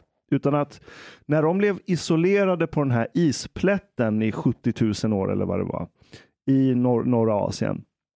Då var de tvungna att anpassa sin kultur till den geografi och klimat de råkade vara i. Vilket var att liksom jaga mammutar och försvara sig från kyla. Och för att de ska kunna överleva det här brutala klimatet var de tvungna att rigidifiera sin kultur, alltså bara göra den så stel och oanpassningsbar som möjligt. Det fanns inte utrymme för flexibilitet eller tolkningar. Eh, så de, de liksom utvecklas i ett spår där de fastnar i en kultur som är extremt anpassad för det här istidsklimatet de befinner sig på.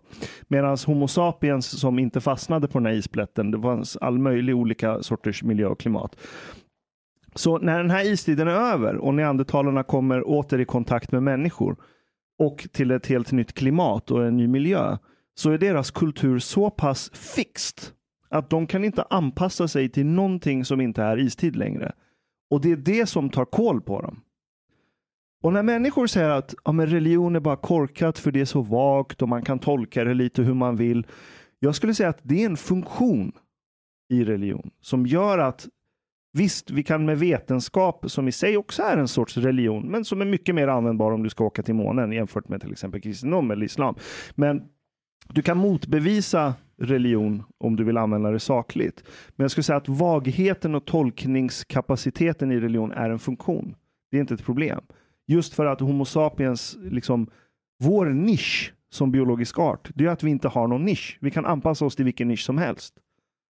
Mm. Och kulturen är en funktion som möjliggör att vi kan göra det. Alltså jag vill anknyta bara kort till det där och referera, därför det du säger, det är i princip det Jonathan Haidt säger. Han säger så här att alla de här ateisterna, Harris och Dawkins, alla de här, och så jämför han det med fotboll. Han tar liksom fotboll som ett exempel och så säger han, de håller på och tjatar om att det är inte rationellt och det är Gud och det är hit och så. Och det de gör, det är att de försöker förstå fenomenet av fotboll som social rörelse genom att fixera sig vid bollens rörelse på plan. Det de missar det är vad som händer på läktarna och vad som händer med alla de här fanclubs och hur man har tröjor och hur man inordnar sig i det hela. Och så förklarar han liksom. Pappa som med sin son för första gången Pappa tar med sin son skapar och sitter på knatte. Ja, precis. Man skapar minnen och man, de är dumma därför de har randiga tröjor istället för oss som har rutiga tröjor och, liksom, och sådär. Va? Och, och det är det som är och orsaken till det menar jag det är att man fortfarande inte har väldigt svårt att, an, eller att se den religionssociologiska aspekten eller den vetenskapen eh, för att förstå vad religion är. Man går liksom från fel håll. but but also but also like um, i think it's important to maybe define what what religion is because uh, i don't agree that science is a religion for example I, for, and also i think it's important to try to define if there is or at least to to decide if there is a difference between culture and religion i think they inform one another, but I think there is a difference because I think some elements define a religion. Um, this like mystical, more of a mystical and metaphysical aspect, supernatural, higher power, things like that. So not not every aspect of culture or ideology or science, for example, is religious. Jo, religion, religion är din koppling till den yttre världen. Just det. Du, du är ett självmedvetande. Det är ju den enda sanningen du egentligen har. Att jag är självmedveten, det kan inte du bevisa. Right? Det Mm. enda du kan säga som är sant, det är att du finns och du tänker. Det är det enda du kan bevisa. Allt annat utöver det är spekulation. Sen finns det spekulation som är användbar. Till exempel matematik och fysik som gör att vi kan bygga en rymdraket eller datorer, whatever. Men allt annat blir religion. Utöver faktumet att du tänker. Alltså, Utöver den sanningen, religion är din koppling till den yttre världen. Har ni sett avsnittet med South Park? Som, som handlar om, det är två avsnitt som handlar om eh, Cartman väntar på sin Nintendo Wii. Men han måste vänta tre veckor. Han orkar inte vänta. Så han fryser ner sig själv. För tre veckor. Ja, och det gör att han hamnar i framtiden 5000 år framåt. Han vaknar och han är i framtiden. Och i den framtiden så har Richard Dawkins utrotat alla religioner. Och hela världen är ateistisk. Och de avgudar Richard Dawkins. Så de har en stor bild på honom överallt. Och, och Cartman hamnar där och Cartman är som Cartman är. Han är totalt ointresserad av den här världen. Han är bara så här, har Nintendo Wii kommit, eller vart är det? Han letar efter den liksom. Och alla de här ateisterna som, som eh, kontrollerar världen, de är i krig med varandra. Det är olika ateistiska grupper som bråkar om vem som har mest logiska argument om saker och ting. Och när de, när de attackerar varandra och de blir oroliga, då säger de Oh, in the name of science, they are here. Samtidigt som de totalt hånar alla religioner så beter de sig väldigt religiösa hela buntet. but it's it's dogma then maybe the, the aspect of it because for, me there is a difference between faith based um, beliefs so to speak and evidence or r- rational based beliefs of course you can be wrong about like um, something but as long as you're able to from your point of view motivate it with reason and evidence then for me that that is not religious Men alltså vetenskap vilar också på faith. För att i grund och botten så handlar vetenskap om att bara för att solen har gått upp de senaste x antal dagarna i historien så kommer den göra det imorgon också. Tills någon bara, ej, eh, vi har haft helt fel uppfattning. yeah but så den har ju en inbyggd funktion som är självkorrigerande, vilket gör den väldigt kraftfull. Men det är fortfarande faith. Yeah, but there's a difference between that and between, for example, believing that Muhammad flew to the heavens on a winged donkey. Ja, ja, Ja. alltså jag, jag relativiserar inte. Det är inte min eh, avsikt. Jag menar inte att så här, ja, men religion också, eh, vetenskap är också religion, därför är alla eh, religioner lika värda. Det är inte det jag säger. Jag säger att olika religioner har olika värde Mm. beroende på kontext. Och, liksom, och kristendomen eller judendom eller islam eller alla de stora världsreligionerna, de hade ju inte fortsatt existera så länge som de har gjort om de inte hade funkat. Do you know what, like, non-Muslim majority country in Europe has the highest percentage of Muslims? Jag vet inte. Bosnien? Um, Bosnia, I think it's Muslim majority country, Bosnia. Yeah, it is. Ja, just det. But ja, det är uh, det. it's, as far as I know, it's Bulgaria. Have you heard anything problematic from Bulgaria? Mm. when it comes to like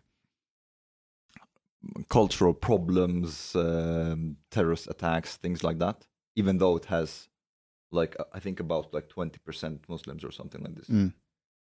Men, men vad, vad beror det på? Yes, I would say that has a lot to do with the degree of religiosity. I think Muslim countries in general, the more religious they are, the more problematic they are. The more they believe in Sharia, the more problematic it is. Because Sharia and liberal democracy are not compatible. Mm. And so, for example, in Bulgaria, it's like approximately 41% of Muslims never went to a mosque, and 59.3% did not pray at home, and 0.5% believe in Sharia. 0.5% percent Men, men believe in gör Sharia. ju du, nu gör ju du eh, det klassiska felet. Which is? Du bestämmer vad en religiös människa är. Du säger så här, ju mer religiösa människor är, ju mer problematiska är de. Eh, eh, och då menar jag att du har definierat åt dem. Och du frågar en sån här människa i Bulgarien eller vad det nu är. Det finns ju massa såna här undersökningar. Återigen, du en, ännu lustigare blir när svenska protestanter som inte har tänkt religion de senaste, jag vet inte hur många år, ser exempelvis en kvinna i huvudduk med tajta jeans och målade läppar och säger hon är inte tillräckligt religiös, hon är inte tillräckligt muslim. Hade hon varit det så hade hon inte målat läpparna och inte gått i tajta jeans. Mm. Alltså hela den här uppfattningen om att man definierar åt andra hur pass religiösa de är. Ta sharia exempelvis. Sharia är ju inte mycket mer än en uppförandekod. Det är som den judiska halachan. Eh, sharia handlar om att tvätta händerna, respektera sina föräldrar, begrava på ett visst sätt. Sen har du hudud som är själva straffrätten. Och den är ju helt besatt liksom av hur människor ligger och varför de ligger fel eller rätt och sådär. Eh, sexualitet är ju något som religioner i allmänhet är besatta av och inte bara religioner om jag ska vara helt ärliga. Men beroende av vad man har för förhållningssätt till religiösa uttryck så bestämmer människor också vad som då är religiöst. Om man har en slags uppfattning om att religion eller islam är en mer problematisk religion än en annan religion, då säger man som du gör. Ju mer religiösa de är, ju mer problematiska blir de. Men det finns ju inget som säger att någon som är jättereligiös inte kan leva i ett sekulärt eh, eh fungerande samhälle. Det finns massa människor i Sverige som är djupt konservativa religiösa muslimer, följer sharia och säger att det finns ingen konflikt mellan sharia och leva i Sverige. Och det är ju inte din sak då, eller någon annan sak att säga att du feltolkar sharia. Du är inte tillräckligt muslim, därför säger du så. Not, not me, I would not say that. Hey. Anyone, yeah. vem som helst. No, no, det, actually, det blir liksom, say... Men det är positioneringen mm. som jag vänder mig emot. Mm. Där, där, därför att den i sig, om jag då ska ta det utifrån den är i sig inte vetenskaplig. Därför att den utgår ifrån saker som inte går att bevisa. Man väljer liksom en ståndpunkt utifrån den positionering man har gjort. Mm. Och då blir ju IS riktiga muslimer exempelvis. Eller IS har inget med islam att göra. Mm. But for example, there is, if we talk, okay, let, let's not talk about exactly religious or not religious. If we talk about belief in Sharia, and in every like Muslim country, the more people believe in Sharia, the more they believe in anti-democratic values. Håller inte med. Däremot skulle jag säga så här. Ju mer sharia anknyter till lokala kulturer i form av hederskultur, klanmentalitet, eh, kollektivismen, ju mindre kompatibelt blir sharia med individualistiska fria samhällen. Ju mer sharia tolkas utifrån en social och kulturellt sammanhang som är mer individualistisk, mer, mer, eh, mer frihetlig, ju mer kompatibel blir sharia med västerländska samhällen. Det, det, det där är ju liksom en icke-fråga tycker jag. Alltså det sitter en människa, återigen Hönö, alltså västkusten, chartuaner och sådana det finns kristna då som är, som är, som är jätte, jättekristna som skulle säga att Guds ord går alltid före människans lagstiftning. Och så frågar man dem, du lever ju i Sverige, finns det någon konflikt mellan svensk lagstiftning och Guds ord? Ja, kanske någonstans, men, men, men det löser sig när Messias kommer. Tills vidare kan jag leva som god kristen och med svensk lagstiftning. Det frågar judar som lever i Israel som ortodoxa och religiösa och som hittar, liksom, de kan äta sin kosher, de kan gå till sina synagoger, de följer svensk lag. Och när du frågar dem, men hur kan du göra det här och det här med tanke på vad som står i halacha? Då säger de, ja men den här tolkningen säger si och så. Mm. Och så löser man det. Religionen är alltid eller har alltid varit, lika ryggradslös som anpassningsbar. Den bara hänger med. Mm. Den har ingen som helst integritet. Och det är det jag menar med att det är en funktion som gör att det överlever Exakt. så pass länge. Kulturell Exakt. flexibilitet. Exakt. But I would say if we go back to Sharia for example, there is statistics that shows the higher percentage of a society that believes in Sharia, the more for example that they believe in the death penalty for leaving Islam or that the more they are against homosexuality. So it's like it's very clear men that there då, is a link between... Men då är det den sortens sharia. Så du kan ju tro på sharia men inte... Men det är ju den tolkningen då. Alltså återigen, om du hade gjort en empirisk studie och sagt så här. Jag ska försöka komma fram till, jag ska göra en attitydundersökning. Även om Ars kan tycka att attitydundersökningar är dumheter. Åtminstone var det det som sades, så jag håller med dig. Men om man skulle gjort en sån här attitydundersökning och sett hur tolkas sharia i länder där klanstrukturer, hederskultur eh, har stark förankring? Liksom är en del av samhällssystemet därför att det är svaga stater som inte liksom, eller diktaturer. Hur tolkas dödsstraff och så där? Men man måste komma ihåg att den västerländska lag utvecklingen eller statsmakten att ha nationalstat, att ha stater som vi har, det är liksom inget man hittade på i Mellanöstern. Mellanöstern såg ju helt annorlunda ut. Där var det liksom lokala familjer, klaner, andra typer av gemenskaper som styrde. Men om du hade gjort en studie som hade sagt så här, jag kan konstatera att i länder, och det här är en hypotes, jag har inte prövat den, i länder där klanstruktur och hederskultur är viktiga, där är också implementeringen eller diskussionen om sharia väldigt välvilligt inställd exempelvis till dödsstraff och sådana saker. Va? Men jag kan ge dig exempel, Nathan Shachar skriver exempelvis i, i antologin Klanen som sammanställdes av Johan Lundberg och Per Brinkemo.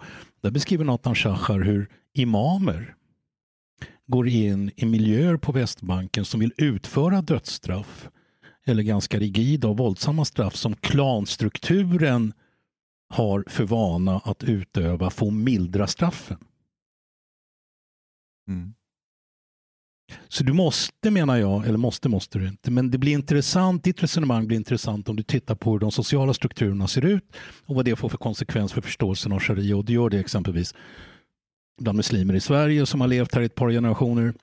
Och så gör det bland muslimer i, i, i Egypten och så gör det bland muslimer i USA exempelvis. En procent av befolkningen i USA är muslimer, majoriteten av dem är svarta amerikaner. Det är Farrakhan och så. Så har du en liten, liten grupp där som kommer från Mellanöstern, väldigt mycket asiater och sådär. Där har ju de konservativa imamerna börjat gnälla över att all den här symboliken, huvuddukar och sånt betyder ingenting för människor längre. Det har bara blivit en kulturell symbol. Mm. But, but would you say though that there is no contradiction between Sharia and liberal democracy? Nej, There is or there isn't? nej, nej, men du envisas med att missförstå. Yeah, no, but Nej, men jag säger inte att sharia är ingenting. Alltså sharia är en massa texter. Mm. Sharia kommer bli och implementeras och praktiseras i sitt sammanhang där människor vill leva och samtidigt följa sharia. Så kommer man exempelvis med tiden ha, ha en muslimsk församling här som består av de här konservativa muslimer. Jag, jag, jag har i antologin eh, Muslimer i Sverige en imam som heter Tobias Andersson. Han är rättslärd, han har doktorerat i islamisk teologi. Han menar att enligt sharia är det varje muslims skyldighet att prata och skriva korrekt svenska. Det, det är som eh, när- jag var som mest hardcore ateist. Det var när jag upptäckte Richard Dawkins, eh, tonåren. Och då kommer jag ihåg att liksom, min mormor var muslim, eller hon kallade sig själv för muslim. Eh, hon hade inte huvudduk eller så, men hon drack inte. Men hon sa att hon inte drack av hälsoskäl, inte av religiösa skäl. Eh, min farfar eh, kallade sig själv för muslim. Han bad fem gånger om dagen, men han var så här tatuerad och drack whisky och så här, sket i det. Och min farmor kallade sig också för muslim, men hon tyckte islam var korkat. Och jag fattade aldrig det. Eh, och, och det var så här, hon var sån här, eh, hon hatade ju iranska regimen. Det gjorde hela min släkt i och för sig, det är därför vi rymde därifrån.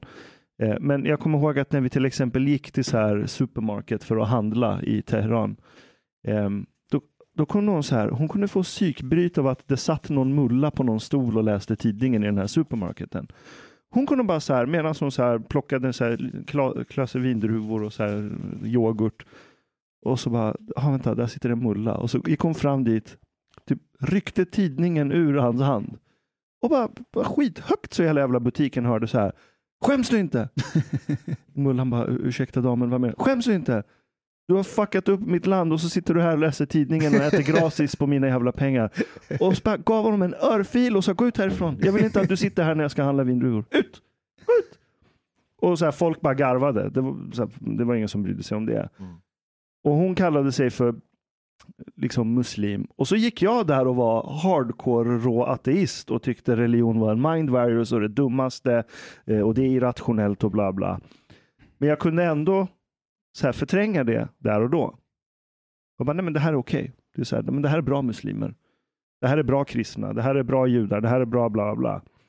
Och till och med i min hardcore tolkning av ateism så fanns den där flexibiliteten. Eh, vilket gjorde att jag kunde, nu har inte ateismen någon helig skrift, men Richard Dawkins kommer väl närmast till det. Men till och med den skriften så kunde jag liksom tolka det lite som jag vill. Jag trodde på Dawkins, men inte 100 procent. Så jag tolkade det så att det ska passa min praktiska vardag. Och jag misstänker att du gör ju samma sak. Du menar, du har lämnat islam, men jag har inte sett någon något tecken på att du har något så hat eller förakt mot människor som råkar vara muslimer. Nej, nej, Så alls. länge de inte, liksom, vad vet jag, är homohatare eller så här och så vidare.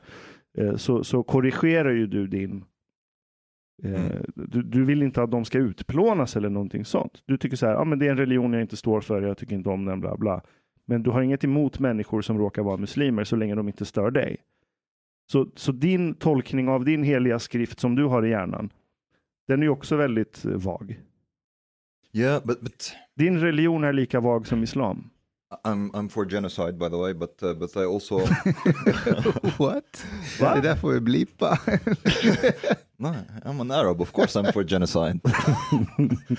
but uh, no, I think for me also I, I make a, a lot of difference between people and ideas, and I'm able to be friends with and and um, have a good relationship with people who have totally different understanding and different ideas than I do, and that's for me totally fine. Uh, and that does not mean that I have to like accept their ideas or that I would even be more friendly towards these ideas. I would be as as critical to them. Uh, so for me, I, I have no problem with Muslims at all, but I, I do have a problem with Islam. Men vänta, det där är jätteintressant. Så anledningen till att du skulle vara vän till och med med en person som du inte delar samma idéer med. Men om den personen började bete sig som ett svin mot dig, var otrevlig, var arrogant, eh, bara sa taskiga saker, skulle du fortsätta vara vän med den personen?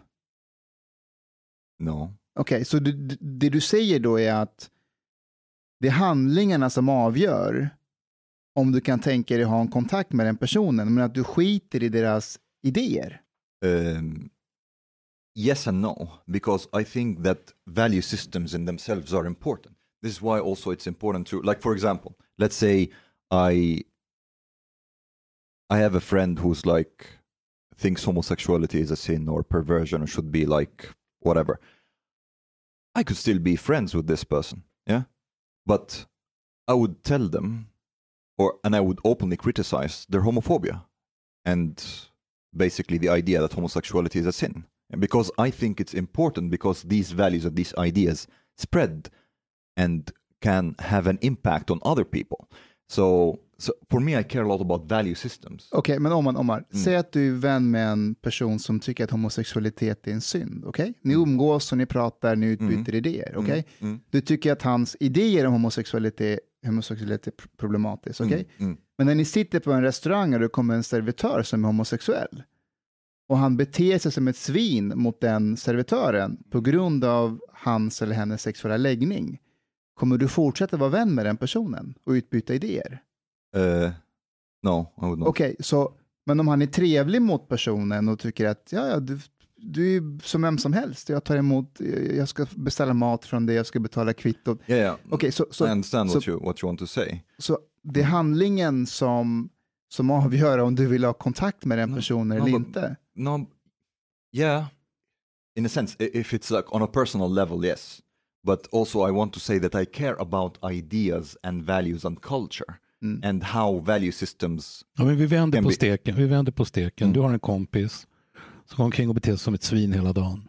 Han på fyllan, han skäller ut folk till höger och vänster och säger han, varför gör du så här? "Äh, Det är bara vad jag gör liksom. Jag tycker alla människor är fina och jag är snäll och jag är omtänksam. Och det att jag håller på att grisa lite, det är bara ett misstag liksom. Därför i mitt hjärta så är jag en god människa. Det är som alla de här som liksom fyllnar till på en jävla fest och så går de och klämmer alla kvinnor på röven och sådär och beter sig som grisar. Och så morgonen därpå så, men jag var bara full.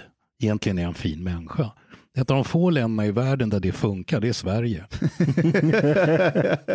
Dels därför att man har en alkoholkultur som ser ut som den gör, dels för att man är besatt av vad människor tänker och inte gör.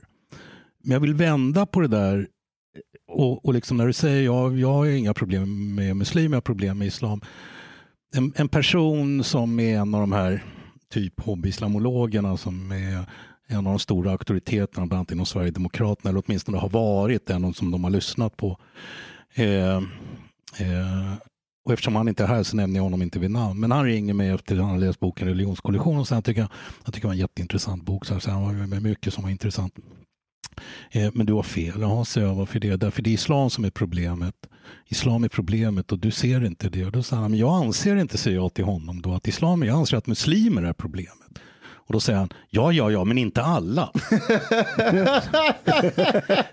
för han har själv liksom inte fattat, därför han är kvar liksom i den här religiösa teologiska uppfattningen att en religion, alltså idéer, klart att idéer kan vara problematiska, men nazismen är en problematisk ideologi, kommunismen är en problematisk ideologi. Eh, de här ideologierna är problematiska. På samma sätt är, är liksom salafidjihadismen en problematisk idé. Ikhwan, alltså brödraskapet, är en problematisk idé av flera olika anledningar. Men den här kulturella sfären, eh, kalvinister som legitimerade apartheidsystemet i Sydafrika, det är en problematisk idé. Eh, Ku Klux Klan är en problematisk idé. Det finns en massa problematiska idéer som har vuxit fram ur de här civilisationerna som vi kan kalla, eller civilisatoriska kluster kan vi kalla dem för, som på ena sidan är kristendomen och på andra sidan är islam. Men de som gör dem problematiska, eller tvärtom, alltså något som vi kan leva med eller något som vi föraktar, det är ju människor. Du kan tycka att, att, att islam är en jättedålig idé och en jättedålig religion. Men när du träffar alla de här människorna som du också har träffat i Egypten som är liksom godhjärtade från sitt innersta för att de enligt sin egen uppfattning är muslimer. De är inte goda bara för att de råkar vara goda människor. De säger jag är god därför islam påbjuder att jag ska vara en god människa, jag ska hjälpa de fattiga, jag ska ta hand om de föräldralösa, jag ska skapa fred, jag ska tycka om människor. Det är liksom bara, de, de bara går omkring och älskar allihopa i hela världen hela tiden.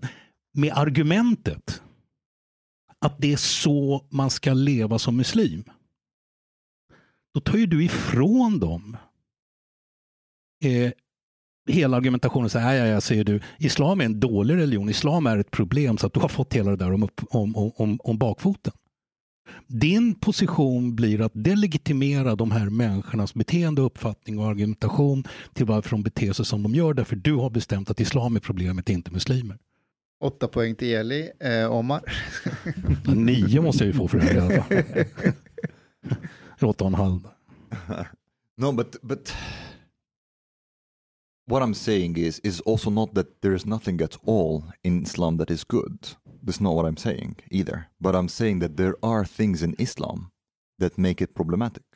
And the more you become, let's say, the, the more you become ultra orthodox or ultra conservative or literalist, let's say, the more problematic it will Men be. nu tolkar du religionen. Därför du säger, återigen, du bestämmer åt människor Mm. som argumenterar för sitt goda beteende och sitt onda naturligtvis Mm. med att de följer religionen säger du i princip att du har missuppfattat din religion. Därför att om du inte säger det och säger okej, bra att du har hittat den tolkningen, fine, då kan vi vara kompisar, du är troende muslim, den delen av islam kan jag också acceptera. Och så träffar du en salafi jihadist som ser någon slags... Jag kan ge ett exempel, du har en judisk rörelse, en judisk bosättarrörelse som kallas för Hilltop Youth på Västbanken. De ser det som någon slags religiös plikt att förpesta tillvaron för palestinier. Det är deras grej. Liksom. De går i konstiga hattar och tror att de klär sig som judar klädde sig på Västbanken för 2000 år sedan. Det här fanns inte som en möjlighet i judiskt tänkande 15, 16, 1700-talet. Det existerade inte ens. Det, det, det, det, det fanns inte som en, som, en, som, en, som en option. Det kom till på grund av det sammanhanget som nu Israel befinner sig i och judar har blivit en majoritetskultur där och judendomen har fått en annan politisk kraft och den här bosättarrörelsen, delar av den ser ut som den gör. Men det säger ju väldigt lite om judendomen.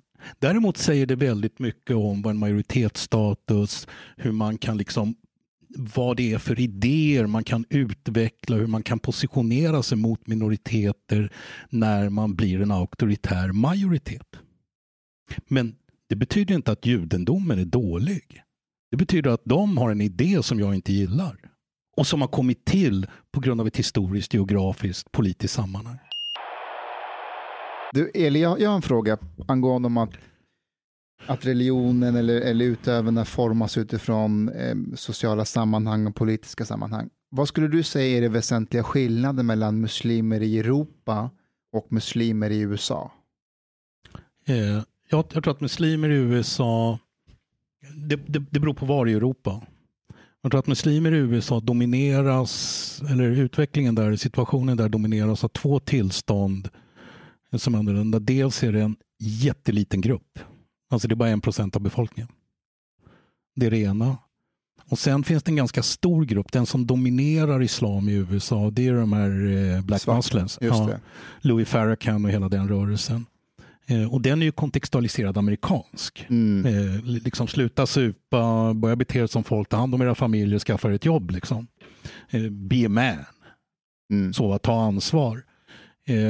Vilket på, på något sätt nådde fram och som var sin föregångare lite grann i Malcolm X och sådär också. Men, men den är liksom, den, den är då inte Eh, och, och, sen de här grupperna från Mellanöstern är ganska liten. Eh, däremot är det en större grupp med, med, eh, med asiater. Jag tror att 25 procent av den här procenten kommer från Mellanöstern. Den stora majoriteten av muslimer i Europa är ju antingen gamla kolonier eller arabvärlden. De som kommer till Sverige det är Syrien, Irak, Egypten, det är väldigt mycket somalier. Det är ju muslimer som har dels ganska många som samlas ganska många, liksom Frankrike är i förorter, Sverige är i förorter, som är etniskt och kulturellt homogena i ganska stor utsträckning och man har en väldigt stark känsla av majoritetskultur och dominansposition. Ingen av de här, varken egyptier, syrier eller somalier för den delen, vet hur man är en minoritet. Och det tror jag får konsekvenser för relationen med de andra majoritetssamhällen. Det blir som två alfahannar som står och hackar på varandra där, där, där eh, Tariq Ramadan exempelvis som har varit en av eh, så att säga, det moderna islams förespråkare i Europa väldigt länge kan säga att, att, eh, att Europa skulle bli mer moraliskt om det blev mer islamiskt. Det är inte en vidare ödmjuk position utan det är liksom en majoritetsstatus dominansposition där man så att säga utmanar det europeiska majoritetssamhället. Det förekommer inte på samma sätt i USA därför man har inte samma möjligheter. But but there's also one more thing that I want to add. I think also it's very important. It's it's very difficult, but it's also very important to try to separate one's ideas from one's identity. Uh, at, at least it's something I try to actively do. It's not easy, but something I try to actively do because if you if you couple your ideas to your identity very strongly, it becomes very very difficult when these ideas are being criticized. And it also becomes very diffi- difficult to change or evolve. Intressant, du menar att man, att man inte ska vara gift med sina idéer Yeah. I think that's Utan- important.